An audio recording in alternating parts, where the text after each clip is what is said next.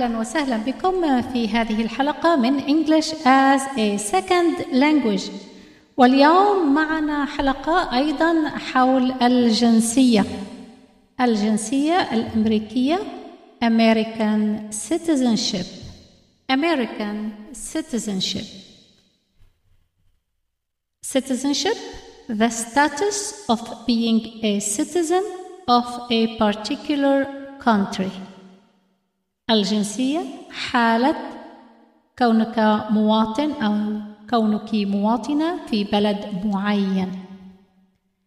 قلنا في الحلقة الماضية naturalization وقلنا naturalization تفرق بين المواطن الذي أو التي لهم الجنسية بالولادة والمواطن الذي أخذ الجنسية فيما بعد. الذي مواطن citizen. أما المواطن الذي أخذ الجنسية فيما بعد يقال له naturalized citizen وهذا بشكل عام حالة معظم المهاجرين.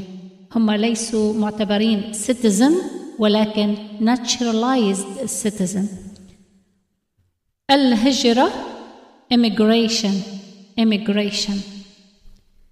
وبالعربية الهجرة عملية الدخول إلى دولة أجنبية والاستقرار فيها بنية الإقامة فيها بشكل دائم بالإنجليزية immigration immigration the act of entering and settling in a foreign country with the intention of residing there permanently permanently بشكل دائم فيزا تأشيرة فيزا تأشيرة قلنا أن الفيزا هي وثيقة رسمية تسمح لأي شخص بالدخول أو المغادرة أو الإقامة في بلد ما لفترة محددة أو لغرض محدد.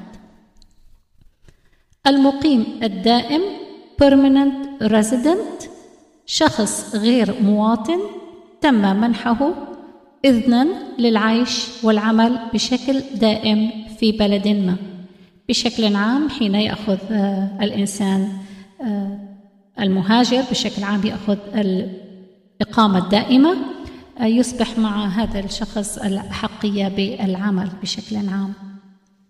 green card البطاقة الخضراء وقلنا في الحلقة الماضية أن البطاقة الخضراء كان لونها أخضر. لذلك ما زالت تسمى بالبطاقة الخضراء green card وهي بطاقة هوية صادرة لمواطن أجنبي مخول بالعيش والعمل في الولايات المتحدة كإقامة دائمة. شهادة التجنيس Naturalization Certificate. Naturalization Certificate وثيقة تصدر لفرد أكمل عملية التجنيس وأصبح مواطنا في بلد ما. مكتب الهجرة والجنسية الأمريكي بالإنجليزية USCIS United States Citizenship and Immigration Services United States Citizenship and Immigration Services. خدمة الجنسية والهجرة الأمريكية.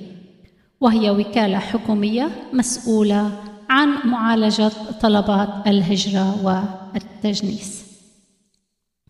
نتابع بعد الفاصل.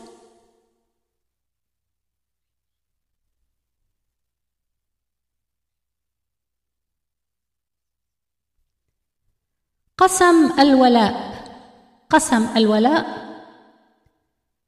وهو إقرار يتخذه الأفراد أثناء عملية التجنيس يتعهدون فيه بالولاء للوطن الجديد الذي يأخذون جنسيته. Oath of allegiance. Oath وهو قسم الولاء allegiance. Oath of allegiance. قسم الولاء. قانون الهجرة immigration law. Immigration law. مجموعة القوانين التي تحكم عمليات الهجرة والتجنيس بما فيها حقوق ومسؤوليات المهاجرين والمواطنين. هذه بعض المصطلحات في مجال فحص الجنسية الأمريكية ويمكن أن نستخدم هذه المفردات كنقطة تواصل لتوسيع مفرداتنا في هذا المجال.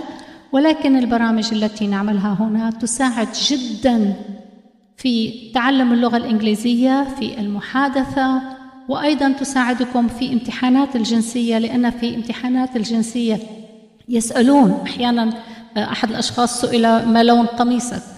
فالشخص كان يعرف اللون الأخضر فقال my shirt is green أحيانا ممكن الأسئلة تكون بسيطة.